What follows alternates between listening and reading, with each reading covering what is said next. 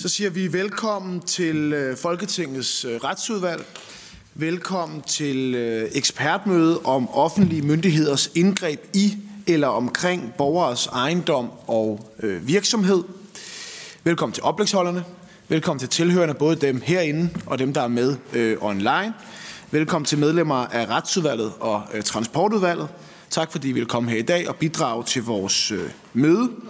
Formålet med mødet i dag, det er jo at sætte fokus på øh, de indgreb, som myndigheder foretager i eller omkring øh, borgere og virksomheders øh, ejendom, og at belyse, hvordan vi kan ensrette, forenkle processen og styrke borgernes retssikkerhed, når der sker indgreb i borgere og virksomheders ejendom. Og helt konkret så afholdes ekspertmødet som øh, i forlængelse af Folketingets behandling af beslutningsforslag B84 fra sidste samling, som netop handlede om at forenkle og øh, effektivisere øh, processen omkring indgreb i øh, borgernes øh, ejendom med stort fokus på retssikkerhed. Og der var et klogt medlem af retsudvalget, der i forbindelse med den øh, behandling foreslog, at vi skulle holde et ekspertmøde. Øh, og det kloge medlem var Karina Lorentzen fra SF.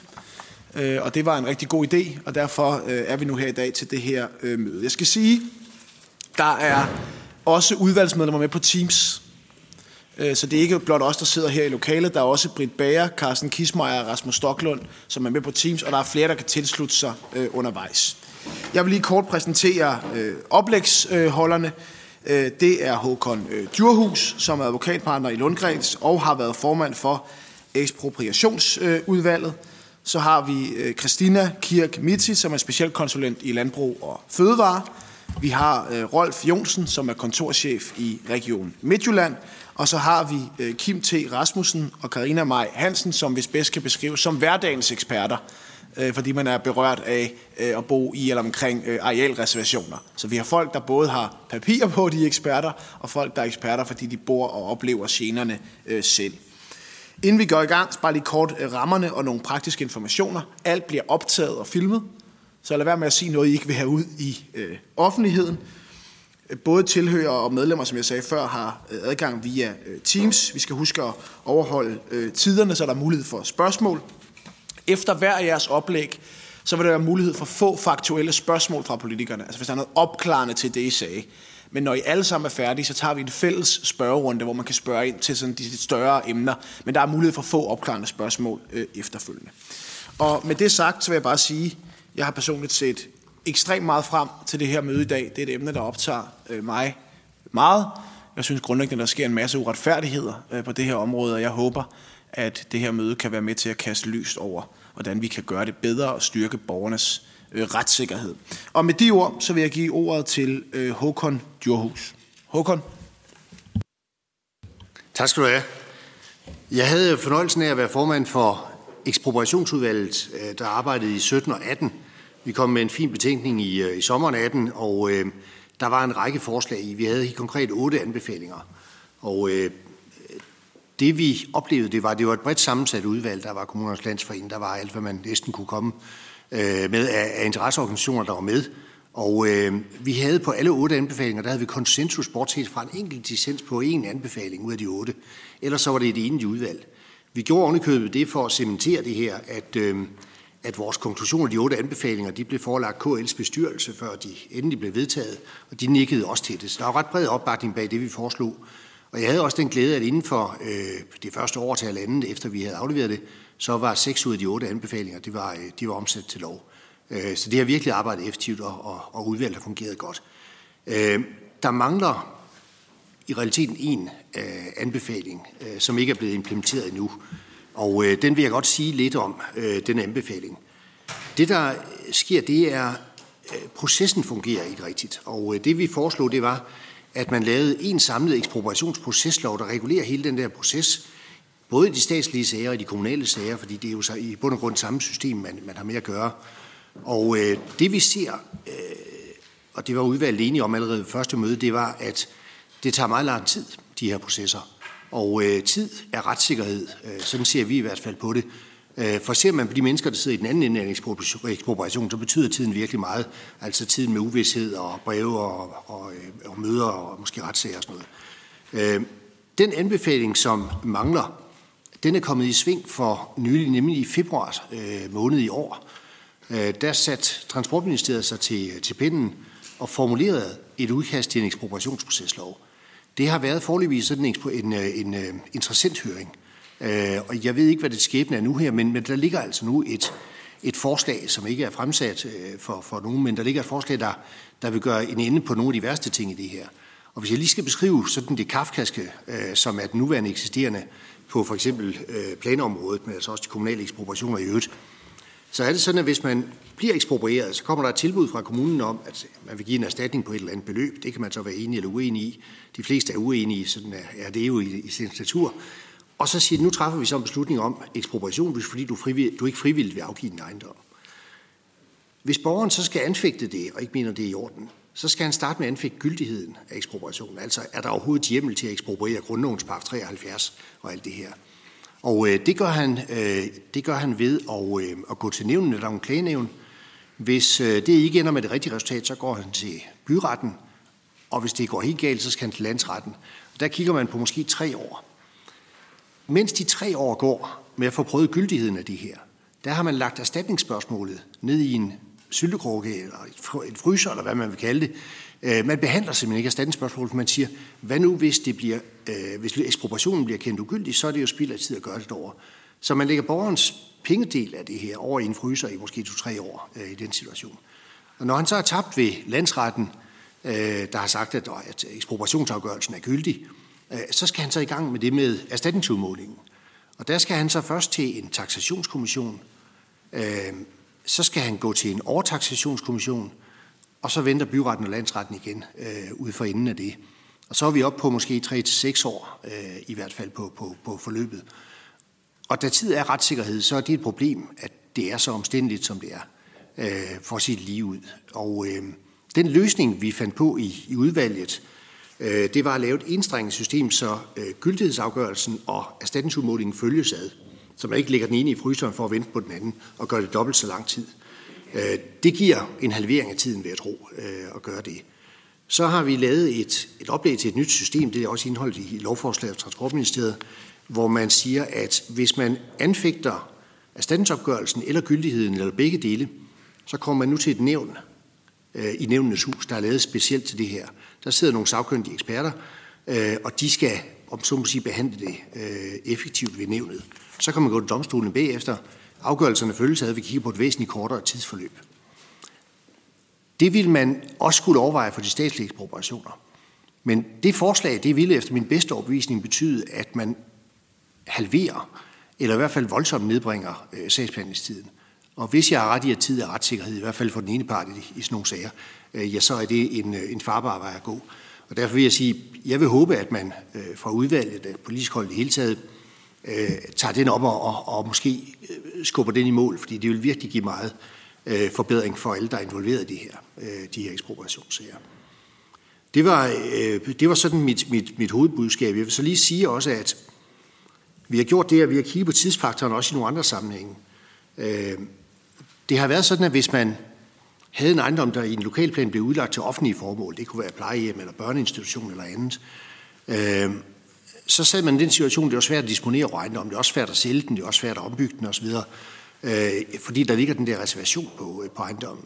Og der har man lavet en, øh, en bestemmelse i paragraf 48 i planloven, der siger, at der kan man så kræve, at kommunen overtager ejendommen. Øh, de skal overtage den på ekspropriationslinje, vilkår med erstatning osv., og så må kommunen lege den ud, eller så må de fremskynde deres børnehavebyggeri, eller hvad de nu vil gøre. Så har man lavet det øh, på et andet punkt også. Mange lokalplaner siger, at man kan for at virkelig gøre den her lokalplan, der kan man ekspropriere i nødvendigt omfang. Hvis man bygger boliger, der ligger en landbrugsejendom, eller hvad det nu må det være, så kan man ekspropriere øh, for at gøre det. Det er jo sådan set øh, fint nok. Det skal samfundet, øh, det har de jo behov for. Men øh, der er så en bestemmelse om, øh, at i de situationer, hvor en lokalplan udlægger et område til et bestemt formål, der kan føre til ekspropriation, der kan man kræve, at hvis kommunen ikke senest fem år efter lokalplanens vedtagelse har gjort det, så skal de overtage ejendommen. Og det vil så sige, at den der forfærdelige ventetid kan man i hvert fald se en ende på i den situation. Øh, og vi har det som sagt også i paragraf 49, vi har det også med, med vejreservationer og andet. Vejreservationerne er nok det mest omfindelige punkt, for der har vi, der har vi næsten ikke noget, øh, der kan være de stakkels mennesker, men, men det har man så på de andre områder. Så øh, så, så der er løsninger, og de løsninger, for eksempel, man har fundet i planloven, hvor man siger, at efter fem år skal man så enten sige, nu, tager vi den, øh, nu, nu gør vi det her og eksproprierer den, eller også så ophæver vi den her binding på din ejendom. Øh, det redskab, det findes jo allerede i, plan, i flere bestemmelser i planloven. Og det vil sige, det kunne man jo overveje at rulle ud, også på andre områder, hvor folk befinder sig i en lignende situation. Så det var sådan mine indledende indspark til, til debatten. Tusind tak, øh, Håkon. Der er et par korte opklarende øh, spørgsmål fra udvalgets medlemmer. Vi skal huske, de store spørgsmål giver vi til, til bagefter. Øh, Karina først, så Karina, og så Preben. Jeg skal bare lige forstå ret er det, du foreslår, at vi tager det princip, man har i kommunerne om, at de skal overtage arealerne, at det skal vi udbrede til de, lad os nu sige her, hvor hervejsmotorvejen, hvor man har bygget halvdelen, har en linjeføring åben, at det skal man så overtage inden for fem år og ekspropriere de borgere, der bor langs den linje, så de ikke skal vente til 2035, som tilfældet er lige nu. Vi tager lige alle spørgsmålene, Håkon, før du får lov at svare. Karina Adspøl. Jamen, tak for det, og spændende oplæg. Jeg vil lige høre i forhold til det, du nævner med paragraf 48 øh, og det kommunale. Hvordan man som borger øh, ved det? Får man oplyst sine rettigheder? Øh, fordi jeg tænker, at de færreste borgere vil jo vide, at man lige skal kigge i planloven paragraf 48 i forhold til ens rettigheder. Tak. Preben Bang Henriksen.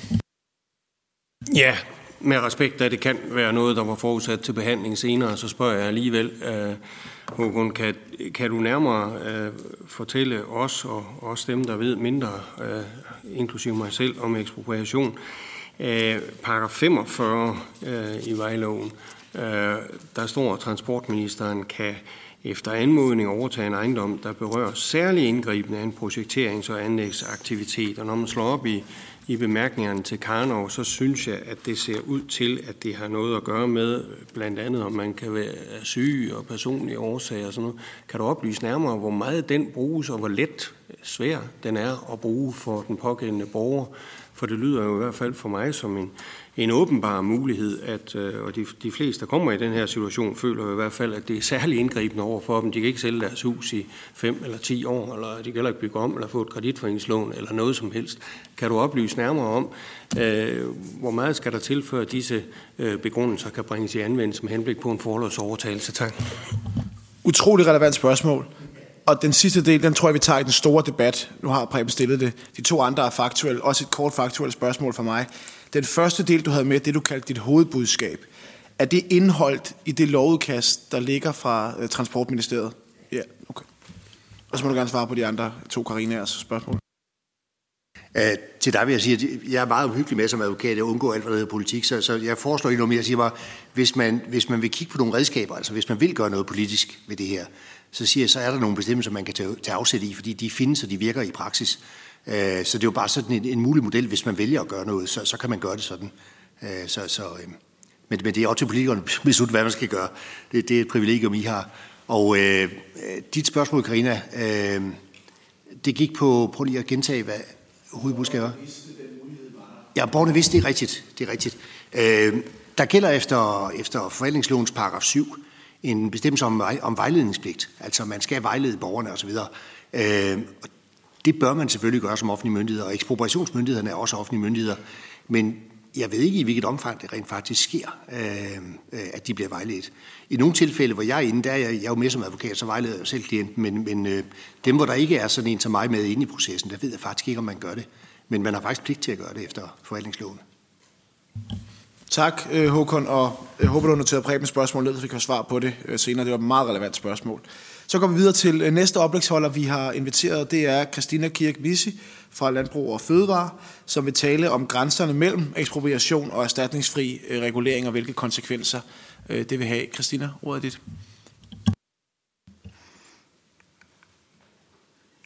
Så kommer den her. Ja, det var i forhold til grænserne omkring erstatningsfri regulering og ekspropriation. Det, øh, jeg vil fortælle udvalget her i dag, det bliver lidt mere en praktisk gennemgang af de udfordringer, som vi ser, at landbruget det bliver mødt med derude. Det vil sige, at jeg kommer blandt andet også på nogle eksempler netop på de her erstatningsfri reguleringer, som jo netop, ligger det jo lidt i ordets fortydning, ikke udløser erstatning og dermed ikke er omfattet af ekspropriation. Det er lige sådan lige kort vil oprise, så I ved, hvad vi kommer ind med. Noget af der, hvor vi ser de store problemer, det er blandt andet placeringer af husdyrbrug og udvidelse særligt. Meget begrundet i ammoniakreguleringer. Det ved jeg, retsudvalget i hvert fald har hørt mere om tidligere, også øh, særligt fra landbrug og fødevare. Så kommer vi ind og snakker lidt der i forhold til øh, paragraf 3, naturområdninger, netop den nye vedtaget lov omkring forbud mod gødning og så de boringsnære beskyttelsesområder. Jeg kommer ikke ind på nederste punkt, som er byggelinjer langs veje og byggelinjer fastlagt i naturbeskyttelsesloven, som kan også være inde lige kort og nævne lidt om. Men det er jo også et af de steder, hvor vi ser nogle store, store problematikker i forhold til, at vi oplever, at folk de bliver låst i det. Hvis vi starter i forhold til øh, ja, ammoniak, så har jeg i dag så lige for virkelig at, at gøre det meget, meget tydeligt, hvad vi har af problematikker, taget et kort med her. Det kort her er øh, tilfældigt fra Uldum Kær af, og det jeg har sat ind, som I kan se alt det, der er skarveret både blåt og rødt, det er de forskellige zoner, der er blevet lagt ind i forhold til beskyttelse af naturområderne. Og det vil sige, når vi går ind og siger, jamen her er det områderne beskyttet, fordi de er følsomme for disposition af kvælstof eller lignende. Så alt det, der er tilbage, som er livsbyrden, det er de eneste steder, hvor vi kan lægge husdyrbrug eller rent faktisk udvikle dem. I kan se, det er en voldsom småt i forhold til, hvad vi ser. Og det er det, landbrugene de sådan set er oppe imod i forhold til både øh, udvidelser, men også øh, også i forhold til overhovedet at placere dem. Og det er med de her forskellige bufferzoner, som der også er reguleret i ammoniakreguleringerne. Det vi ser ved ammoniakken, det er jo det her med, at, at vi oplever, at det jo faktisk næsten er udelukket at lave ændringer. Øh, faktisk også selvom der sker en miljømæssigt øh, forbedring. Og vi ser store, store problemer i forhold til at udvide den. Det er jo sådan, at der er jo ingen tvivl om, for at det hele det kan hænge sammen økonomisk for landmændene, så ser vi jo en vis grad af husdyrbrug, der bliver større, og, og lignende også i forhold til at kunne gøre det mere effektivt. Det, det her betyder reelt for landbrugene, det er jo, at det er jo nogle reguleringer, øh, som ikke som sådan udøver erstatning, fordi de er ikke reguleret i forhold til ekspropriation. Men de facto er jo sådan set, at når man ikke kan få lov at udvide, og dermed ikke kan få lov at følge med rent økonomisk, jamen så bliver konsekvensen af det jo en langsom lukning, og jo egentlig det, der er hovedårsagen og definitionen på ekspropriation i forhold til husdyrbrugene. Hvis vi går videre til det, der er lovvedtaget nu her på 1. juli 2022, så er det jo besluttet, at det ikke længere er muligt at gøde, sprøjte eller omlægge arealer, som er beskyttet efter naturbeskyttelseslovens paragraf 3. Det er sådan, at man i loven har indsat en mulighed for erstatning, og det her det er min udhævning. Der står i konkret i loven i tilfælde, hvor forbuddet rammer så hårdt, at der er tale om ekspropriation. Og i de her tilfælde, hvor der er tale om øh, ekspropriation, er det også muligt at søge en dispensation. Den problematik, vi ligger, det er, at der står så hårdt ramt. Øhm, så er man berettiget til erstatning, men det er simpelthen ikke fastlagt på nogen som helst måde, hvornår der egentlig er tale om ekspropriation. Der er ikke nogen retningslinjer, det er en total gråzone, og lidt i vores øh, optik øh, ligger næsten en lille smule op til det vilde vesten her. Der er, mangler nogle helt klare linjer for, hvornår det her det går ud og udløser erstatning for landmændene. Det er i vores optik et meget, meget voldsomt indgreb. Det har stor betydning for, hvad man kan bruge de her paragraf 3 områder til, men det giver ikke nogens erstatning. SIGES, øh, som jo er interesseorganisation under Landbrug og Fødevare, bare lige for at lige ganske kort oprise, hvad det rent faktisk har betydning, har jo anslået, hvad det her forbud det kommer til at betyde. Og det er jo som sagt nævnt, øh, eller som nævnt gennemført som erstatningsfri regulering. Det vil sige, som udgangspunkt så ydes der ikke erstatning. Og det vil sige, at det er øh, estimeret til et driftstab på de berørte landmænd på 66 millioner årligt. Det er 66 millioner, man ikke yder erstatning for. Og så derudover har man også vurderet, at de berørte arealer øh, vurderes at falde i værdi med 1,7 milliarder kroner. Og det er altså erstatningsfri regulering, med mindre man kan gå ind og godt gøre, øh, hvornår det er, at forbuddet rammer så hårdt, at der er tale om ekspropriation. Så har vi boringsnære beskyttelsesområde, BNBO. Der ser vi også store, store problematikker. Det er jo sådan, at i BNBO, der er der øh, hovedsageligt, når vi snakker erstatningsfri regulering og ekspropriation, to paragrafer, vi arbejder med. Det er paragraf 24 og så er det 26a. 26a ligger i sagens natur, at når den kommer ind under der, så begynder vi så småt at snakke ekspropriation. Det vi ser ske derude, det er jo sådan set, at de her boring- og beskyttelseszoner, de beregnes meget, meget forskelligt, hvad man går ind og beslutter. Hvad er det, man vil beskytte? Er det boringen? Og hvor langt væk fra den her boring går man? Og det vi oplever ude i marken derude, det er jo, at de bliver beregnet utroligt forskelligt. Og det er endda inden for samme kommune, vi ser forskellige ting. Det vil sige, det er jo helt op til, om er det et par meter, er det 20 meter, er det 40 meter, er det, er det mere, man går ind simpelthen og beskytter sig. Og det vi jo netop også oplever, fordi at vi ser så forskellige beregninger, det er jo, at man ikke kun nødvendigvis går ind og beskytter boringerne, hvilket det jo egentlig er lagt op til her, men man går også ind og beskytter væsentligt mere, det vil sige selve øh, vandmagasinerne på det. Og vi oplever jo netop, at de her beskyttelseszoner, de bliver simpelthen væsentligt større, end det egentlig skyndes nødvendigt, når man så til sidst går ind og kigger på, jamen hvad er det, de professionelle har været ind og beregne. Dem, der rent faktisk ved noget i forhold til at måle pesticider og sprøjling på de her ting. Derudover ser vi jo så også, at selve den erstatning, der bliver udregnet, den her, den passer langt fra på alle landbrug, og den mangler i høj grad retssikkerhed og ensretning. Det er sådan, at Landbrug Fødevare øh, har ført øh, nogle principsager i den her forbindelse. Det er sågar Håkon, der har ført øh, en del af dem. Og der har vi jo heldigvis set, at erstatningsniveauet det er blevet hævet væsentligt. Men i og med, at som min kollega Håkon lige har været inde og fortælle om, hvor, hvor, hvor langt et system det er at gå igennem, så er det jo ikke særlig retssikkerhedsmæssigt, at borgerne skal hele det her igennem, for at kunne få lov til at få en ordentlig erstatning, i stedet for at den bliver tilbudt med det samme. Derudover så, øh, så mangler der sådan set også en fast øh, afklaring i forhold til erstatninger, der bliver ydet efter Miljøbeskyttelseslovens paragraf 24, hvorvidt den er skattefri. Og det vil sige, der skal man ind og søge bindende svar ved skat omkring det her hver gang.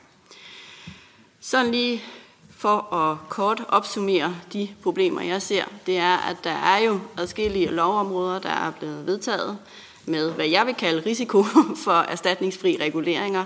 Det er voldsomme indgreb, vi ser nogle gange, og der ydes ikke nødvendigvis erstatning, fordi at det ikke er reguleret som ekspropriation. Og derudover ser vi utrolig mange uafklarede gråzoneområder uden klare retningslinjer, og når vi har et ekspropriationssystem og et retssystem, som vi har med 3 til helt op til 6 års behandlingstid, jamen så, øh, og også igen, når man så skal tilbage og så snakke erstatning eventuelt bagefter, jamen så er det jo et stort, stort indgreb for de her landmænd, som egentlig jo bare forsøger at passe deres arbejde og ikke mindst levere fødevarer til os alle sammen. Tusind tak, øh, Christina. Øh, Peter Skåb har et kort opklarende spørgsmål. Tak for det. Jeg synes, det er rigtig interessant og vigtigt, øh, den måde, I fremlægger det både Christina og, Håkon. Men jeg tænkte bare lige på, kunne I sige lidt om antallet af personer, husstande, erhverv, der bliver ramt her, og, og geografien i det? Altså, hvor, hvor ligger de henne potentielt set, som, som får det her problem, muligvis får det her problem? Og så har jeg selv et kort opklarende, Christina, før du kan få lov at svare. Det var i forhold til øh, delen med Miljøbeskyttelsesloven, paragraf 24, i forhold til det skattefrit eller ej. Altså er der simpelthen eksempler på nogen, der har skulle svare skat af det, og nogen, der ikke har skulle svare skat af det, eller skal man bare gennemgå en proces for at nå frem til skattefrihed øh, hver gang? Så må du gerne svare. Jeg må nok være, øh, Peter Skåb, lidt, lidt svar skyldigt i forhold til, hvor mange, mange der er berørte. De tal har jeg simpelthen ikke med i dag. Men der er jo ingen tvivl om, øh, i og med at vi forsøger at beskytte vores natur og områder mere mod, så ser vi ret væsentlige indgreb, og det er over hele landet. Øh, de eksempler, vi har kørt med nu her, de ligger forholdsvis i Edal Kommune og i Beder Kommune. I forhold til det opklarende spørgsmål fra øh, Morten Dallin, det var... Øh, det var med skattefriheden. Det er, som det er lige nu her, har det indtil videre heldigvis vist sig hovedsageligt at være en proces, der skal igennem, men det kan tage op til seks måneder at forbindende svar for skat. Hmm. Tak. Det er jo helt tosset, man så ikke bare skriver det ind. Nå. Tak, Christina. Det skal du ikke svare for. Det er derfor, du er her for at gøre os opmærksom på det. Øh, næste øh, levende billede, der skal have øh, ordet, det er Rolf Jonsen. Rolf er kontorchef i øh, Region øh, Midtjylland, og vil fortælle lidt om et område, som jeg nok ikke er den eneste, der har fået henvendelse om, nemlig øh, råstofudvinding og råstofplaner, øh, herunder påvirkning og konsekvenser for øh, omgivelserne. Rolf, ordet er dit. Tak for det. Nu skal vi jo så skifte lidt emne. Vi skal ud og se på råstofgrave. Øh, og det øh, er jo sådan, at øh, når vi snakker råstofgrave, så er det jo indvinding af sand, sten og grus. Det er tørv, det er ler, det er kalk. Det er, det er de råstoffer, vi har brug for i samfundet. Det er ligesom det, vi taler om her. Og i den sammenhæng, så kan jeg sige, at cirka 1% af det danske areal er udlagt til råstofgraveområder.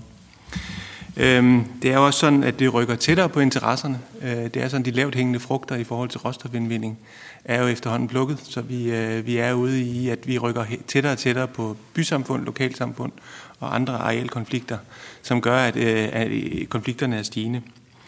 Og så er det også værd at huske på, at øh, råstofferne er jo placeret fra øh, de, de istider, som er kommet før os, og har trædet transport, transporteret stoffer, råstofferne fra Norge og Sverige, og placeret dem, hvor de nu engang ligger.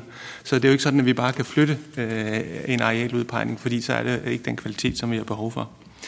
Øhm, og så vil jeg så indledningsvis sige, at vi i regionerne jo tager, øh, tager hensyn til, øh, til naboer og borgere, øh, konkret ved at fastlægge støj, støjgrænser og placering af maskinerne i gravene. Øh, og samtidig så anbefaler vi også, at, øh, at man viser godt øh, naboskab, øh, når det er, at man har en råstofindvinding. Vi har med branchen et godt samarbejde om, om, om lige præcis det, og et kodex for godt naboskab. Men øh, jeg vil tage udgangspunkt i tre faser, når det er, at vi udlægger råstofgrave. Øh, så efter jeg lige kommer ind på loven, så øh, fortæller om planlægningen, når vi indvinder, og så efter behandling. Men hvis vi starter med råstofloven, så får jeg lige skiftet her, så går der lige to sekunder, har jeg hørt. Ja. Så er formålet jo at sikre, øh, at vi udnytter råstofforekomsten på land og til havs, og det sker som led i en bæredygtig udvikling efter en samlet interesseafvejning og efter en samlet vurdering af de samfundsmæssige hensyn, der er nævnt i paragraf 3. Og øh, hvis vi så skifter, så kan I så se paragraf 3 her, som vi så skal tage hensyn til. At på den ene side, så har vi så råstofomfanget kvalitet og erhvervsmæssige hensyn, altså vi skal levere nogle råstoffer til samfundet. Og på den anden side, så har vi en lang liste af, af elementer, som vi skal håndtere, når vi giver, laver planlægning, når vi laver øh, tilladelser. Og det er jo blandt andet miljøbeskyttelse, vandforsyning og, og den liste, som I ser hernede. Og den er udtømmende, den liste, og som I kan se, så indgår naboer øh, ikke øh, her som et hensyn, man skal tage direkte. De er indbygget i de andre formål. Øh, så det er ligesom en, en pointe her. Øh, skulle de det, er balancen rigtig. Hvis vi så skifter, så øh, hvad er det så for bekymringer, vi, vi oplever blandt, blandt borgere? Og øh, øh, hvis, vi, hvis vi ser sådan overordnet på det, når vi sidder i regionerne og modtager henvendelser, så er det sådan noget som støj øh, fra graven, fra de biler, der kører ud og ind af graven. Det er støv fra øh, råstofindvinding, det er trafik, og det er også ejendomspriserne, som er, man er bekymret overfor. Og vi øh, i regionerne, øh, når vi arbejder med støj, så har vi den her vejledning, øh, som vi fastsætter øh, støjgrænserne ud fra. Så det fastsætter vi, når vi laver en egentlig tilladelse, så har vi den her vejledning fra Miljøstyrelsen fra 1984, som sætter nogle grænser i forhold til, hvornår man må indvinde, men også øh, hvilke decibelgrænser der er, og så også i forhold til, hvilke arealer der er i, i, i nærheden. Så der er nogle hensyn, der bliver varetaget, når man egentlig giver en tilladelse.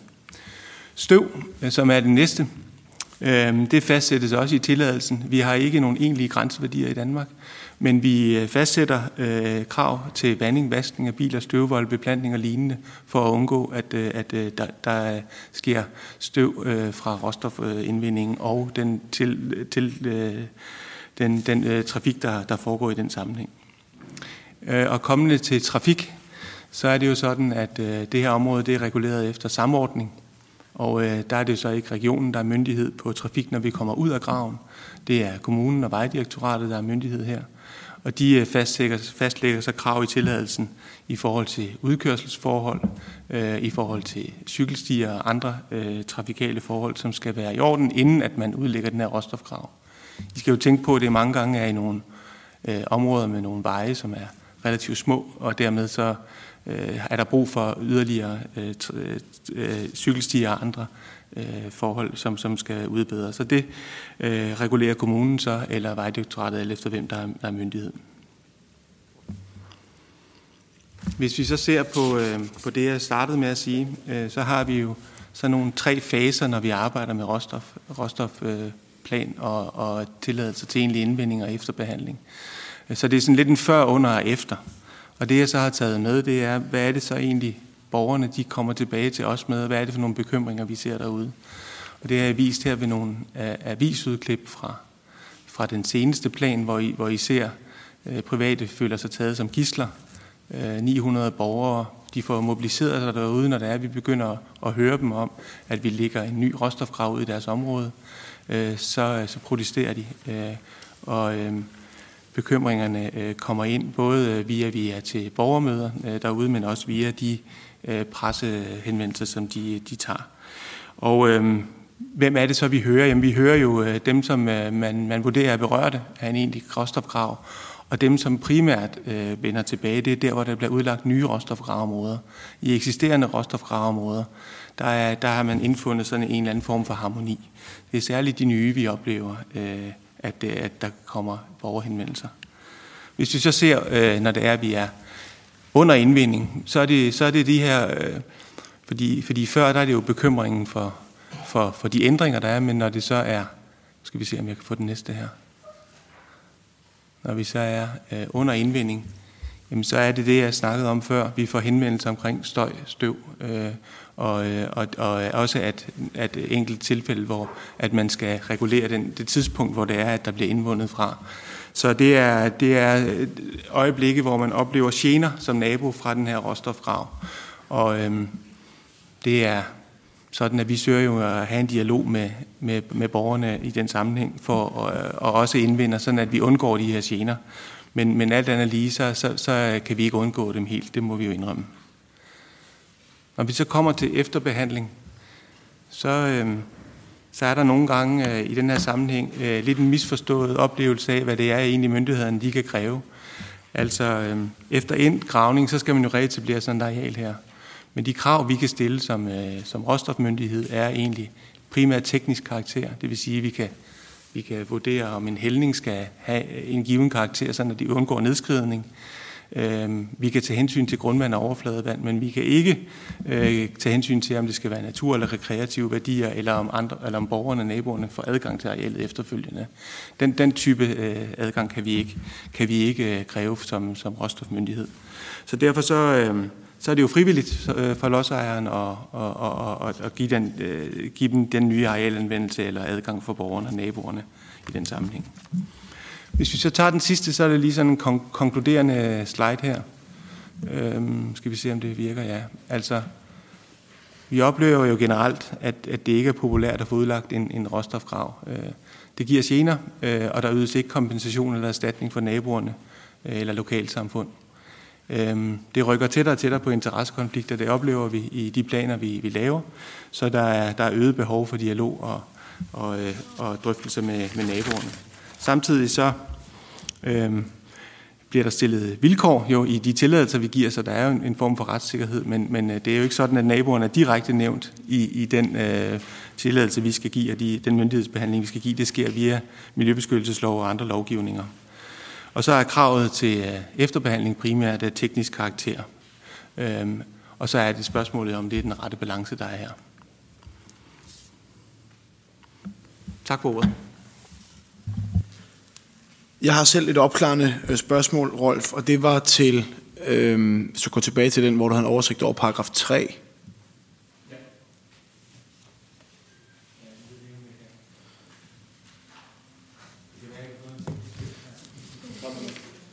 Den er på vej.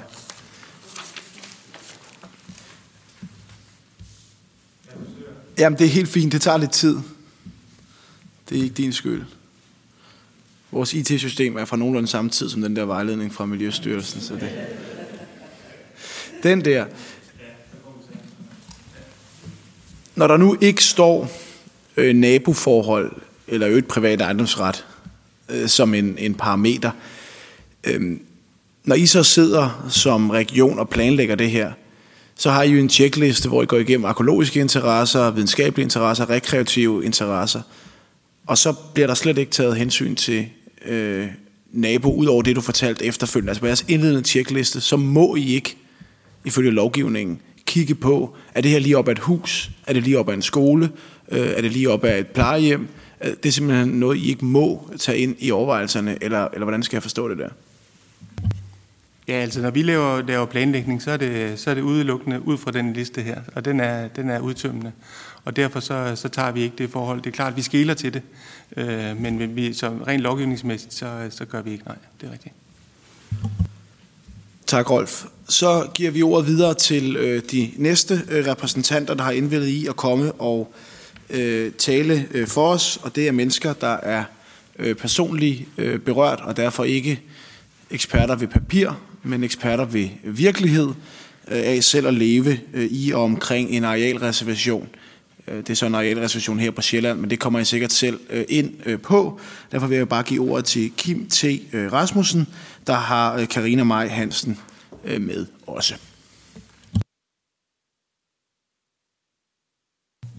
Lad mig starte med at sige tak til Retsudvalget for den her invitation til mødet om borgernes manglende retssikkerhed ved ekspropriation, arealreservation med mere. Den private ejendomsret. Filosofen John Locke han betragtes som en af skaberne vedrørende privat ejendomsret med baggrund i menneskelig øh, selvejerskab i menneskelig retlig forstand. Tidligere statsminister Anders Fogh han fortolkede i 1993 teorien på følgende måde. Det er selvejerskabet, som avler retten til livet, retten til at være fri for tvang og retten til personlig ejendom. Retten til liv, frihed og ejendom er fundamentale forudsætninger for, at et menneske kan leve som et menneske. Det her citat rammer spot on for os borgere i en arealreservation, som har mistet friheden og som ufrivilligt har fået indskrænket råderetten over vores ejendomme. Lad mig sige, at øh, vi, jeg kommer til vores historie nu. Jeg skal sige, at Karina hun er med. Hun har en, en rideskole, der ikke ligger så langt fra os af, men i samme arealreservation. Vi køber en ejendom i 2000 og søger en byggetilladelse til opførelse af en beboelsesejendom og i stødpudelærer til vores virksomhed. Vi modtager byggetilladelse uden anmærkninger og restriktioner fra Greve Kommune. Kort tid efter indflytningen i december 2000 ønsker vi en tilbygning, og øh, vi sender derfor en, en øh, byggeansøgning til byggemyndigheden i februar 2001. Kommunen henviser ansøgningen til HUR, daværende Hovedstadens Udviklingsråd, som var den ansvarlige byggemyndighed ved ejendommen på over 250 kvadratmeter i landzone. Cirka tre måneder senere sender HUR byggetilladelsen, hvor redegørelsen for afgørelsen er følgende. Det er selvejerskab ejendom, som der står der. Ejendommen er beliggende i et område, der i regionplanforslag 2000 er udpeget som skovrejsningsområde. Der er ingen modstridende regionplanretningslinjer.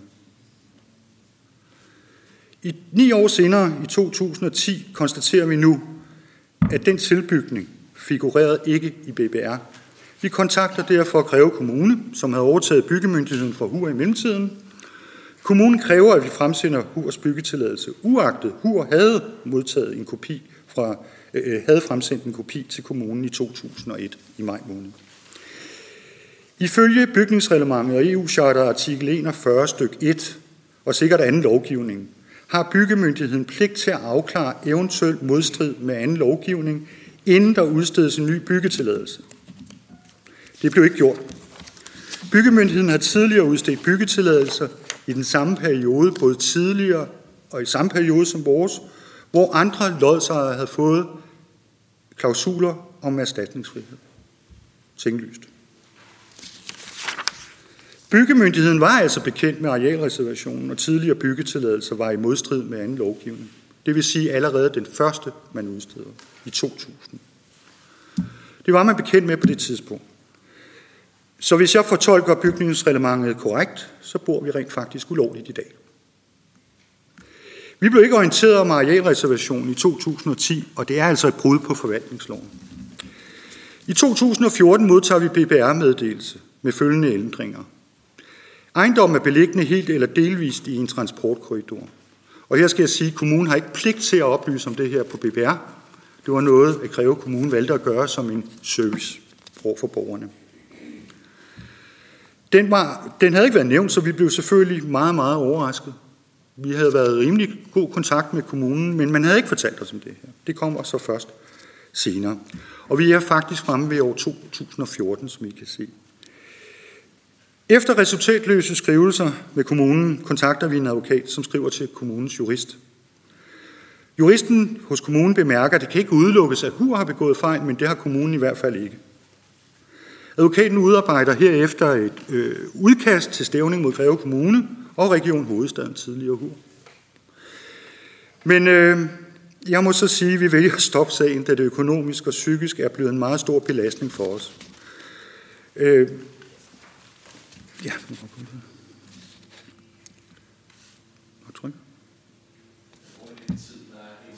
og den er der. Så går vi videre. Lidt senere samme år ønsker vi at placere en kontorpavillon på vores 5.000 kvadratmeter store grund, og dermed optimere vores omkostninger til gavn for både selskaber og vores egen økonomi. Vi kontakter kommunen, og vi får omgående et afslag, årsag af arealreservation. Som alternativ ønsker vi så ombygning af en eksisterende garage på 70 kvadratmeter i en bygning, der var altså øh, opført, til kontor for selskaberne. Byggeansøgningen vedtages af kommunen, men ikke betingelsesløst. Der skulle tinglyses en erstatningsfri klausul, så staten ikke skulle betale for ombygning med en eventuel ekspropriation.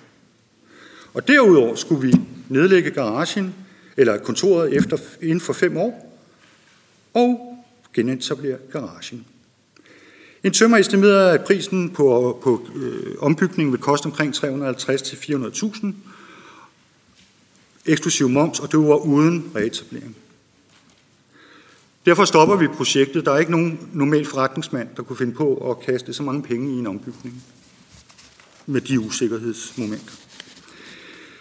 Den økonomiske konsekvens for selskaber er meget nem at tjekke via vores regnskaber. Indtjening af egenkapital er siden 2014 faldet, hvor kampen med de offentlige myndigheder begyndte. Præstede drømme og skuffelser resulterede i manglende lyst overskud, ressourcer til at arbejde og skabe resultater. Jeg er blevet diagnostiseret med svær depression i perioden og andre følgesygdomme, efter jeg fik kendskab til den her arealreservation. Heldigvis er jeg kommet videre nu, og har lyst til at tage kampen op efter flere års helvede. For at forstå situationen skal man have prøvet at være udsat for indgreb i den private ejendomsret. Begge mine forældre var ansat ved politiet. Min far er mere end 45 år. Og jeg har, er opdraget med retskaffenhed og rimelighed. Venstres forslag er derfor yderst relevant og tiltrængt. Og jeg håber, at I folkevalgte politikere finder nogle løsninger, som styrker borgernes retssikkerhed ved arealreservationer. Det er altså ikke kønt for et demokratisk samfund, at staten kan fratage vores lovmæssige øh, ejendom på ubestemt tid. Jeg har set Folketingets første behandling af Venstres forslag, og jeg er ikke imponeret over nej-sigernes overfladiske besvarelser fra talerstolen. Det sjove er bare, at dem, der typisk siger nej, at man ikke kan tilslutte sig, det er dem, der går ind for humanisme. Transportministeren afventer resultatet af en igangværende forundersøgelse om Ring 5, og ønsker ikke at drøfte arealreservation, før den er færdig. Gennem årene har der været skrevet rigtig mange historier om arealreservationer og folks skæbne i medierne, og i søndags var der endnu en gruppe borgere øh, i Vorbasse, som stillede sig frem, og der var en stor artikel i Jyske Vestkysten. I ti, ti, artiklen citeres øh, transportministeren, at det kan ikke afvises, at borgere må vente til 2050 for en beslutning. Det er altså totalt mangel på respekt for medborgernes situation. Men okay, han er jo bare ærlig med de regler, vi har i dag. For nylig er der vedtaget en lov, hvor kommunale lokalplaner skal realiseres inden for 5 til 8 år, ellers så skal der eksproprieres, eller også skal den aflyses. Hvorfor er der ikke lignende regler ved statslig langtidsplanlægning? I 2010 var der 1300 boliger i landzonen og 400 i byzonen i det, der hedder øh, Ring 5, transportkorridoren. Ingen kan leve som mennesker i den korridor, før I folkevalgte enes om at styrke retssikkerheden med menneske i centrum og det humane. Hovedårsagen til den statslige arealreservation er økonomiske besparelser på staten, men det er også borgere, som betaler prisen, og staten sparer pengene. Et eksempel, Karina, som sidder her, og hendes mand, de driver rideskolen Adams Lyst. Adams Lyst har eksisteret i mere end 25 år, og de mistede i år en mangeårig lejer, som ikke ønskede at forlænge med rideskolen. En af årsagerne, usikkerhed omkring arealreservationen. Man tager typisk 10 år og laver en kontrakt med, med en rideskole på. Karina og Miki betaler dermed indirekte for statens besparelser ved en eventuel ekspropriation. Det er altså ikke ok. Vi er et retssamfund. Det minder mig om Kina, som jeg er kommet utrolig meget i. I 2019 arrangerede vi et juridisk informationsmøde hos Karina på Adams Lyst med deltagelse af en advokat. Med meget kort varsel mødte mere end 70 naboer med bopæl i arealreservationen frem. Alle var dybt frustrerede om retssikkerhed, begrænsninger, råderet, og de vidste faktisk ikke noget om, øh, hvad der egentlig foregik, fordi vi får jo ikke noget at vide som borgere. Jo, delvist i en arealreservation, reservation, hvad der stod. Ved indgreb i ejendomsretten fremgår det af paragraf, øh, grundlovens paragraf 73 og EU-charter artikel 17, styk 3, at tre forudsætninger skal være opfyldt. Der skal vedtages en lov om ekspropriation. Det er nummer et. Nummer to, årsagen til ekspropriationen skal være til gavn for almenvældet. Der skal ydes fuld og rettidig erstatning. Absolut ingen af de forudsætninger er opfyldt. Det var ikke det, for man lavede det her i grundloven i sin tid. Jeg har været inde og studere øh, stoffet. Det var slet ikke det, man mente, at man skulle have lov at udvide den her øh, paragraf. Øh, ingen af forudsætningerne er opfyldt. Arealreservation og transportkorridor er altså ikke til gavn for almenvældet. Og det er slet ikke omtalt i grundloven. En arealreservation er en idé og streger på et kort, som er 74 år gamle. Jeg vil mene, der er sket meget i samfundet siden 1947. Der har været en vis udvikling. Offentlige myndigheder rådfører sig løbende med Justitsministeriet for at få vurderet statens juridiske ansvar omkring tab af en eventuelt retssag. Justitsministeriet mener ikke, at staten vil tabe en eventuel retssag. Uvildige advokater, professorer og andre eksperter deler ikke ubetinget Justitsministeriets konklusioner og mener, der er risiko for at tabe sagen ved domstolene. I 2011 blev der udfærdiget en rapport øh, øh, udfærdiget udvalget om transportkorridoren i hovedstadsområdet en rapport. Selv den rapport så tvivl omkring statens ansvar ved domstolen. Rapporten har et, et punkt, der hedder 11, punkt 11 stykke 2. Jeg skal sige, det findes ikke mere på nettet. Det findes heller ikke i den rapport, der er udgivet. Og der udelukkes absolut ikke sikkerheds, en usikkerhedselement i borgernes retsstilling i særlige tilfælde. Samtidig henviser man til at afslag på landzonetilladelse at indgreb i ejendomsretten, hvis afslaget begrundes med arealreservation. For almindelige borgere er det for kostbart, og ressourcekrævende at få prøvet sagen for domstolene, desværre. En appel til retsudvalget er derfor, for nu nedsat en uvildig arbejdsgruppe med deltagelse af dommerstand, advokater, professorer og få afklaret borgernes retssikkerhed. Så har min kone og jeg et godt tilbud hvis der er en køber til stede her, som er klar til at betale den reelle markedspris, og ikke en forventet ekspropriationspris, som typisk er 25-30% lavere end den reelle markedspris. Så lad os høre. Køber får nogle helt gratis fordele med. Der er en vis uvidshed om, hvornår staten eksproprierer ejendommen. Indtil man ved, når man skal flytte, så får køber til gengæld indskrænket og begrænset råderet over ejendommen. Det bliver svært at finde lånefaciliteter på almindelige markedsvilkår. Der gives rabat i ejendomsskatten. Der gives ikke rabat i ejendomsskatten eller andre offentlige gebyrer og skatter. Med udgangspunkt bør I altså blive enige om at få aflyst den her arealreservation. Man kan ikke sælge en ejendom i den aktuelle situation, uden at vi betaler for den arealreservation. Find en model for økonomisk kompensation, så staten med god samvittighed kan opretholde reservationerne, og betale leje til os lodsejere, ud fra eksempelvis ejendomsskattebilletten. Lejen reguleres så med årene, så jo længere tid det tager for jer at tage en beslutning, jo dyrere bliver det. Det er vigtigt for mig at understrege, at det, min familie har været udsat for, er ikke unik. Der er tusindvis af krænkede borgere. Og udover de beboere, jeg lige har talt om, er der jo alle naboerne. De tætte naboer, som går og med støj og så videre. Og der er måske endda nogen med endnu mere groteske øh, historier. Liv, frihed og ejendom er en forudsætning for, at menneske kan leve som et menneske. Så har jeg til sidst en uh, lille reklame. Trykke. Ja, ja. Du er bare langsom. Nej, den har sit eget liv. Nå. Men den tager lang tid, hva'? Den er der skiftet. Ja, den er skiftet nu. Foreningen Nej Tak til Ring 5, de holder en konference her på Christiansborg i december. Med blandt andet borgmestre, professorer som talere, og med målsætning om at få fjernet arealreservationen. Så berørte borgere kan leve som mennesker, og ikke længere skal føle sig som gisler.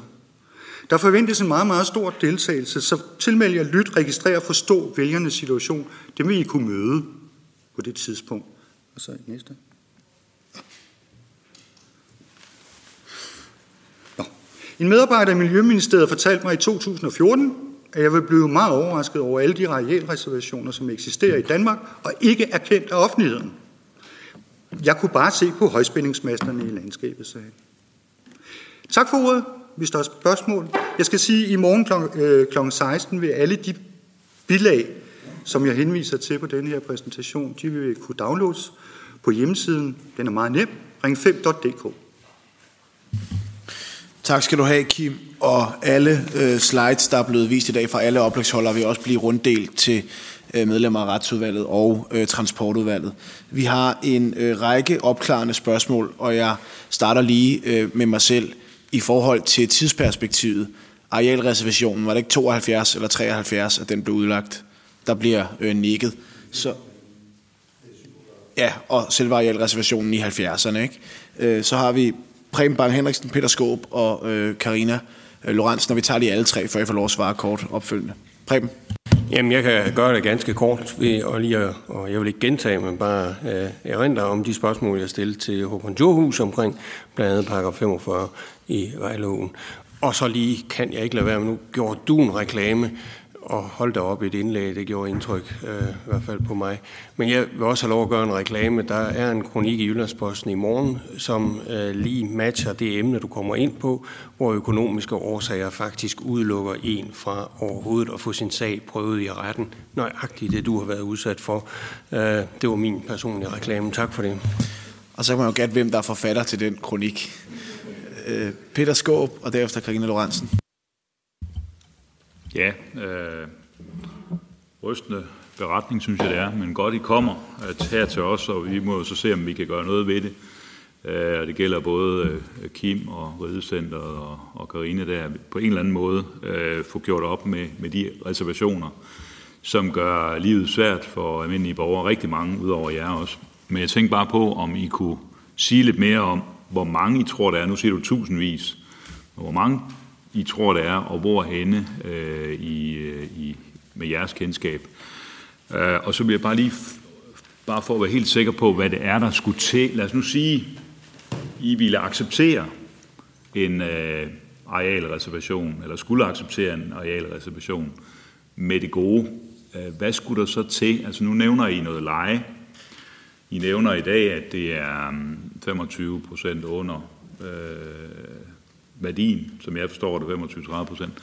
Men, men skulle det være den, den fulde vurderede værdi, I tænker, der skulle til, eller, eller hvor meget skulle der til øh, i forbindelse med en, øh, en erstatning, for at, at I ligesom kunne leve med det? Fordi man kan jo sige, nu har man diskuteret Ring 5, og det er der mange holdninger om. Øh, jeg kommer fra et parti, der også har en klar holdning i Dansk Folkeparti. Øh, men, men, men der kan, jo, der kan jo godt være tilfælde, hvor alle er enige om, der skal faktisk ske en arealreservation. Vi skal bygge whatever. Øh, så hvad tror I, der skulle til, når I nu er ramt, så kunne I måske svare på, hvad skulle der til fra det offentlige side, for at I kunne leve med det? Karina Lorentzen. Så øh, foreslår jeg, I svarer på øh, Peters øh, spørgsmål, og så efterfølgende giver jeg ordet til Håkon, der så kan svare på øh, Prebens spørgsmål, og så åbner vi for, for generelle øh, spørgsmål fra udvalgets medlemmer, også fra dem, der er med på Teams. Jeg må sige det sådan, at øh, som jeg sagde til sidst, der er arealreservationer, offentligheden ikke har kendskab til. Men de er jo berørte på en eller anden måde. Og lad mig også sige, at jeg er helt enig med, at vi kan ikke stå i vejen for fremskridtet. Altså, det kan vi bare ikke. Vi kan ikke stå i vejen for udviklingen. Kompensation, det kan jeg ikke udtale mig om. Det var en idé, jeg fik med leje. Altså, hvis jeg går ud og leger en bil, kan man sige, øh, så betaler jeg en leje for at lege den bil. Men til gengæld kan udlejer heller ikke komme og have råderet over den. Øh, men, men det er jo noget, der må være op til Folketinget. Altså, folk, øh, jeg kan fortælle, at der er sparet cirka 20 milliarder i 2010. 20 milliarder har man estimeret på arealreservationen Ring 5. 20 milliarder, men vi betaler jo så, jeg har betalt via manglende produktivitet i en lang periode. Karina betaler med at miste noget indtægter. Øh, jeg, jeg vil ikke komme ind på et kompensationsstørrelse. Det må være op til jer kloge hoveder og drøfte det og spørge borgerne, fordi det kunne være, at man skulle til at inddrage borgerne noget mere, end man har gjort, og gøre dem lidt mere vidne om, hvad er deres ret. Jeg ved ikke, om du var fyldskørende. I hvert fald for nu, øh, og ellers kan Peter spørge øh, igen. Husk at slukke mikrofonen, Kim. Øh, før Håkon får ordet, så har Prem lige et yderligere tilføjelse til sit spørgsmål. Det var netop et yderligere tilføjelse til et spørgsmål til dig, Håkon de arealreservationer og andre indskrænkninger, øh, hvor mange af dem anses som bekendt for en køber i en ejendomshandel, eller sagt på en anden måde, den, der sælger en ejendom, som formodes han ikke at være bekendt med arealreservationerne, og har han dermed ikke også en lojal oplysningsforpligtelse over for køberen, og kan han dermed ikke også blive erstatningsansvarlig i det omfang, at han ikke oplyser det, som i øvrigt dårligt nok kan findes i nogle officielle dokumenter. Håkon, Preben har ventet længe på dit svar nu, så vi har høje forventninger. Ja, nu må jeg se, om jeg kan leve op til det. Øh, den her bestemmelse i vejlovens par 45, øh, Øh, og den situation, man har, hvor man kan lave de her vejreservationer, vejudlægreservationer, øh, uden at betale erstatning eller uden at have nogen forpligtelser på, på tid øh, heller. Øh, der kan jeg sige, at hvis man skulle finde to forskellige løsninger, at lovteknisk finde to forskellige løsninger, så kan man finde den ene i planlovens paragraf 47 stykke 4, og den anden i paragraf 48. Paragraf 48, det er den, jeg fortalte lidt om før, der står simpelthen i, i bestemmelsen, at når en lokalplan eller en byplan vedtægt har forbeholdt en ejendom til et offentligt formål, kan ejeren forlange ejendommen overtaget af kommunen mod erstatning. Og der står altså ikke kompensation. Der er mange, der bruger kompensation og erstatning i flæng, men der er en betydelig forskel på de to ord. Kompensation, det er noget, man, man giver som, som lidt almindeligt, og erstatning, der skal man stilles fuldstændig, som om det ikke er sket. Men det vil være en løsning, som jeg siger, rent lovteknisk, man kan bruge på 48 i, i planloven. Øh, og man kan sige, at, at den taler altså om en situation, hvor man forbeholder en ejendom til et offentligt formål. Og det gør man jo strengt til også med vejreservationerne. Øh, og så kan man sige, hvorfor er der så forskel på det? Øh, det var den ene model. Så er der en lidt mere light udgave. Det var en bestemmelse, vi fik ind i ekspropriationsudvalget, sat ind i paragraf 47 stykke 4, som siger, at kommunalbestyrelsens adgang til at foretage ekspropriation øh, bortfalder, hvis kommunalbestyrelsens beslutning om ekspropriation ikke er truffet inden fem år efter, at planen er offentliggjort. Det kalder vi solnedgangsklausuler i vores verden. Altså hvis, man, hvis der ikke sker noget, så går solen altså ned på et tidspunkt, så er den reservation væk. Og det vil sige, så er det op til myndigheden at holde styr på det. Og så er dit sidste spørgsmål, øh, Preben. Øh, der er ingen tvivl om, at hvis køber vidste eller burde vide, at der var en reservation, for eksempel vejreservation, øh, sælger undskyld, øh, og, og ikke oplyser over køber, så er der utvivlsomt et standsansvar. Øh, og, og det er ikke bare lojale oplysningspligter og, og, og sådan noget, det, det er fuld erstatning i den situation, for det, det vil være en svigagtig fortidelse af et forhold, der har betydning for, for, øh, for værdien. Og derved svarer jeg også indirekte på, om det har betydning for værdien. Det mener jeg, øh, det har for, for en standardkøber. Tak for det. Så har jeg sat mig selv på øh, talerlisten. Tak, Kim, for et, øh, et rørende, øh, men også et skræmmende øh, beretning. Øh, det har nok ikke været let at komme til et sted, hvor du kan fortælle den historie offentligt, så, så tusind tak øh, til dig. Øh, nu har jeg også besøgt dig tidligere, øh, Karina, på din øh, rideskole, som ikke bare er en rideskole, men også en rideskole, der tilbyder øh, handicapridning, og derfor også gør en stor indsats for folk, der har øh, andre øh, udfordringer. Hvis man nu indførte noget eller det princip, vi har siddet og diskuteret her, der hedder, hvis der ikke er sket noget inden for fem år, så har I mulighed for at blive eksproprieret. Jeg er med på, det ikke er den drømmeløsning, øh, I har. I ved også, hvad jeg mener om Ring 5. Men hvis vi nu siger, man indfører en løsning, der hedder efter fem år, ligesom det er andre steder, så har I mulighed for at blive eksproprieret. Vil I så personligt tage imod det tilbud, hvis det faldt nu?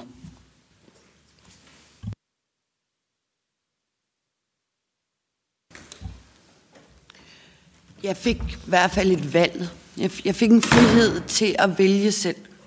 Så ville jeg ikke bagefter føle mig som gissel, for jeg havde truffet mit eget valg. Øhm, det handler jo i høj grad om retten til at vælge selv. Og føle sig som alle andre borgere i Danmark. Altså, jeg er stavnsbundet. Hvad sker der? Det kan ikke være rigtigt. Det kan ikke være rigtigt, at jeg slider, at jeg slæber, og jeg har ikke samme rettigheder som alle andre mennesker i Danmark. Jeg har på ingen måder samme rettigheder. Jeg kan stort set ikke tillade mig at blive skilt. Fordi så er vi på spanden. Jeg kan ikke, jeg kan ikke tillade mig at blive syg. For hvad skal jeg gøre? Der er ikke nogen, der kommer og redder mig. Og så kan man sige, jeg har hørt, jeg har argumenteret meget for det her. Jeg har hørt mange kom- kommentarer til det. Og jeg kunne bare have tjekket, jamen det er rigtigt, men jeg vidste det ikke. Altså det stod ikke offentligt nogen steder. Vi har indtil for, jeg tror faktisk stadig, vi har låste dokumenter på vores ejendom, vi ikke kan få låst op af kommunen. Altså vi kan ikke få lov at se, hvad der er. Hvordan skulle vi vide det? Vi har naboer, som har været opmærksomme og ringet til kommunen og sagt, ah, ah, ah, altså de der det der med nedrivningsklausul, det kan I godt glemme. Okay, så fjerner vi den. Nå, hovsa, jeg har en nedrivningsklausul. Jeg kan bare fortsætte. Vi er inden for en afstand af 200 meter behandlet så forskelligt. Og det er ikke kun Greve Kommune. Det her er i hvert fald så, kan man sige, Greve Kommune. Men, men der, er ikke, der er ikke nogen livretning i det. Det er hvem, der er heldige, og hvem, der ikke er heldige. Og det kan ikke passe, at staten kan slippe godt fra og behandle os sådan. Må jeg komme med en hurtig... Gerne. Jeg har en ting. Ophæve den arealreservation og de restriktioner, som er forbundet med den. Bevare reservationerne i den forbindelse, som de har nu. Staten sparer nogle penge, ja 20 milliarder, men er 20 milliarder mere i forhold til os tusinder af mennesker ved og vel og begrænset råderet. Er vi blevet et samfund, som mere går ind for besparelser, statslige besparelser? Det er jo grunden til, at man har udlagt de arealreservationer. Og vi som borgere, Karina som borger, skal betale for en ridehat selv, hvis den bliver revet ned. Og kan ikke få erstatning. Få det aflyst den arealreservation. Find en måde, så vi får vores rettigheder tilbage. Please. Fjern erstatningsfrie klausuler Prøv at lade os leve som mennesker. Det er det mindste, man kan forlange. Vil, vil du svare, Kim? Du behøver ikke, hvis du ikke har lyst. Altså, hvis du fik muligheden for at blive eksproprieret nu, med den henvisning til, at der har ligget en arealreservation siden 72, staten ikke har udnyttet, og vi så sagde, nu er der et folketingsflertal, der vedtager en lov, der hedder, efter fem år, så bliver du mulighed for at få eksproprieret. Karina sagde, for hende handler det om at få friheden til selv at kunne vælge. Øh, hvad, hvad tænker du om det? Jeg har læst meget om ekspropriation. Og med det, jeg har læst, må jeg nok sige, det er jo lige så usikkert som den situation, vi sidder i. Fordi, som jeg sagde, jeg kan forstå, at der ikke er nogen køber til vores ejendom til stede. Fint. Det er til den reelle markedspris. Det er ikke den der forventede ekspropriationspris. Det er den reelle. Så jeg vil tage det til overvejelse. Helt klart. Tak, Kim. Øh, så er det Karina Lorentzen, der har indtegnet sig for et spørgsmål. Ja, det er egentlig til dig, Håkon. Fordi at, øh, jeg kender ikke kommissoriets beskaffenhed for det udvalg, men øh, det kan undre mig, at I ikke er kommet med den anbefaling, at man skulle, hvad kan man sige, ret op på, øh, på skævheden mellem kommune og stat, men det kan være, at det ligger udenom kommissoriet, og måske kan du sige lidt om det. Og så til Rolf vil jeg spørge, øh, det der med, at der ikke er nabohensyn i, øh, i, i lovgivningen for eksempel, har du selv tænkt, at der kunne være nogle bud på, hvordan øh, man så skal få de nabohensyn ind i lovgivningen? Er der, ja, det kan være, at du har nogle idéer. Øh, det er måske mere det, jeg fisker efter. Håkon? Jeg kan svare helt kort. Øh, det, øh, vores kommissorium, det var at kigge på ekspropriation efter planloven, det vil sige øh, de kommunale ekspropriationer efter planloven, med, med udgangspunkt i bare 47, så vi hang lidt fast i det. Og, øh, og jeg har forstået som, som formand, jeg skal helst ikke begynde at, at brede mig ud over, hvad der ligger i kommissoriet. Det, det vil jeg formentlig ikke få nogen tak for. Så, så, men, men det lå udenfor, for det havde været spændende emne at, at, at tage op også selvfølgelig. Bestemt. Så har vi øh, Carsten øh, Kismeier, øh, som gerne vil stille spørgsmål via øh, Teams. Carsten? Ja, tak. Kan I høre mig? Kan I høre mig? Det kan vi godt, Carsten. Og Rolf, du får mulighed for at svare er bagefter. Beklager. Ja. Jamen, øh, jeg konstaterer sådan set bare, at øh, de indlæg, vi nu har hørt, de bekræfter i hvert fald for mig, at der er en udfordring, som vi skal tage alvorligt. Og derfor synes jeg, at opfordringen til, at man sætter et arbejde i gang med at løse og kigge på de udfordringer, der ligger rundt omkring øh, de, de, de, de reservationer med videre, som staten gør i forhold til folks ejendom, at det er der en baggrund for at få kigget på. Jeg har sådan set ikke yderligere spørgsmål. Jeg vil bare takke dem, der har været der, for at de øh, kommer med bidrag, og jeg håber på, at vi kan få sat et arbejde i gang på baggrund af den her høring. Tak. Tak til Carsten, som er en af medforslagstillerne på det beslutningsforslag, som er blevet genfremsat, og derfor skal behandles igen i denne her øh, folketingssamling. Og bare til almindelig information, så blev der aldrig afstemning om det sidste gang, fordi der netop blev bedt om et ekspertmøde, hvor nogle partier ønskede at have et sådan møde, før man tog sin endelige stilling op, og det er det, vi har nu. Men forslaget er blevet genfremsat, og vil i løbet af denne folketingssamling komme til afstemning i, øh, i Folketingssalen. Og beklager, Rolf, så fik jeg øh, frataget dig muligheden for at svare. Det var ikke helt fair, så det får du mulighed for nu.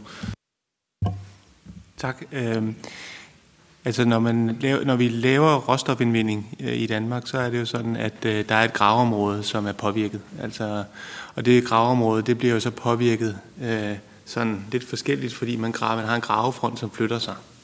Så der vil være perioder, hvor nogle naboer er påvirket mere øh, end, end i andre perioder. Hvis du ligesom kan forestille dig sådan en stor åben råstofgrav. Så, så det er ligesom den ene, ene påvirkning, vi har. Vi har nogle nabogener, som, som, bliver, øh, som, som følger sådan en successiv flytning af råstofgravfronten. Så er der det andet forhold, der hedder, at vi, øh, vi jo transporterer råstofferne ud af råstofgraven. Og det øh, påvirker jo så øh, det lokalsamfund, som så bliver påvirket af den øgede transport. Øhm, så der er et lokalsamfund, og der er nogle, der er nogle naboer i nærområdet, som bliver, bliver påvirket. De bliver jo påvirket lidt forskelligt alt efter også, hvilke kørselsforhold der er osv. Ikke? Øhm, så der er jo flere modeller, altså man kan vælge. Øh, og en, en model kunne, øh, kunne øh, strække sig og rette sig mod de naboer, der er lige i nærheden. Øh, det er jo en midlertidig mange gange gravning, der foregår 10-20 år, øh, alt efter hvor hurtigt det går så kan man kompensere dem i den periode øh, af en mulighed. Og så er der samtidig også lokalsamfundet, som også kunne øh, med fordel jo yde sin kompensation i forhold til bedre veje, bedre øh, forhold i det hele taget, i forhold til, at der skal køre tung trafik i nærområdet. Og der, øh, altså der er i dag en råstofafgift på 5 kroner per øh, indvundet øh, kubikmeter. Øh, og den, den, den, den kunne man jo eventuelt øh, kigge på. Øh, det er klart, det vil jo så pålægge byggeriet en øget øh, udgift. Øh, Øh, men, øh, men der har vi regnet lidt på, altså den marginalomkostning, det, det er, er, øh, vil påvirke arbejdspladser eksempelvis øh, relativt lidt. Copenhagen Economics lavede en, en beregning på det. Men det er klart, det skal man kigge nøje ind i, når man, er, man finder en, en egentlig model. Ikke? Men det er bare for at sige, at der er, der er lokalsamfundet, og der er de nære naboer at tage hensyn til.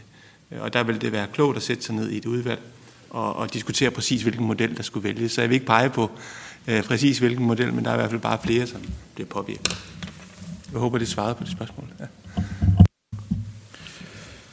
Tusind tak for, at I øh, kom her øh, i dag. Øh, tak til Håkon for at give os den overordnede indflyvning og også refleksioner i forlængelse af ekspropriationskommissionens øh, anbefalinger, og også ikke bevæge dig ind på den politiske bane, men alligevel svare på de spørgsmål, der kom. Tak til øh, Christina for at highlighte nogle af de uhensigtsmæssigheder, der er i forbindelse med øh, landbrugets øh, forhold til øh, indgriben i deres øh, ejendom, og også hvilken byråkratisk jungle det er nogle gange at slås med øh, der. Øh, tak til øh, Rolf for redeligt og savligt at redegøre for forholdene, hvad der må tages højde for, og hvad der ikke må tages højde for. Vi kan jo ikke beskylde dig for ikke at tage øh, højde for naboerne, når det står i loven, at det må du ikke. Øh, og særligt tak til øh, Kim og Karina for også at sætte nogle øh, personlige ord på, hvad det betyder. Øh, og for mig vil jeg bare sige, at det her er ikke bare paragrafer eller tal i et regneark. Det er rigtige mennesker i den rigtige virkelighed, der bliver ramt af det her. Og jeg synes i virkeligheden, Karina, dit svar til mit spørgsmål, om du vil tage imod det, sat altså hovedet på sømmet for mig. For det er ligegyldigt, om du ser mod det eller ej. Men det, at du har muligheden og friheden til selv at vælge at være herre i dit eget liv, det er det, der er det afgørende. Øh, så, så tak for, at I også kommer og dele jeres øh, betragtninger øh, med os. Jeg kunne forestille mig, det har jeg i hvert fald selv, nogle ting, jeg godt kunne tænke mig lige at spørge jer om en til en. Øhm, men jeg skal simpelthen lige låne udvalgets medlemmer i, 30 sekunder efter møde. så jeg vil sige tak for i dag. Øhm, og så kan I øh, hvad hedder det, have mulighed for at gå ud. Hvis nogen af jer bare skal hurtigt videre, så har I mulighed for at gøre det. Øh, men jeg kunne i hvert fald godt tænke mig selv lige at have en snak med, med nogle af jer udenfor. Det tager kun 30 sekunder, det jeg skal bruge øh, udvalget til. Så øh, tusind tak for i dag. Tak til dem, der lyttede med, og tak til jer for, at I, øh, at I kom. Og så skal jeg lige bruge udvalgsmedlemmerne i 30 sekunder bagefter.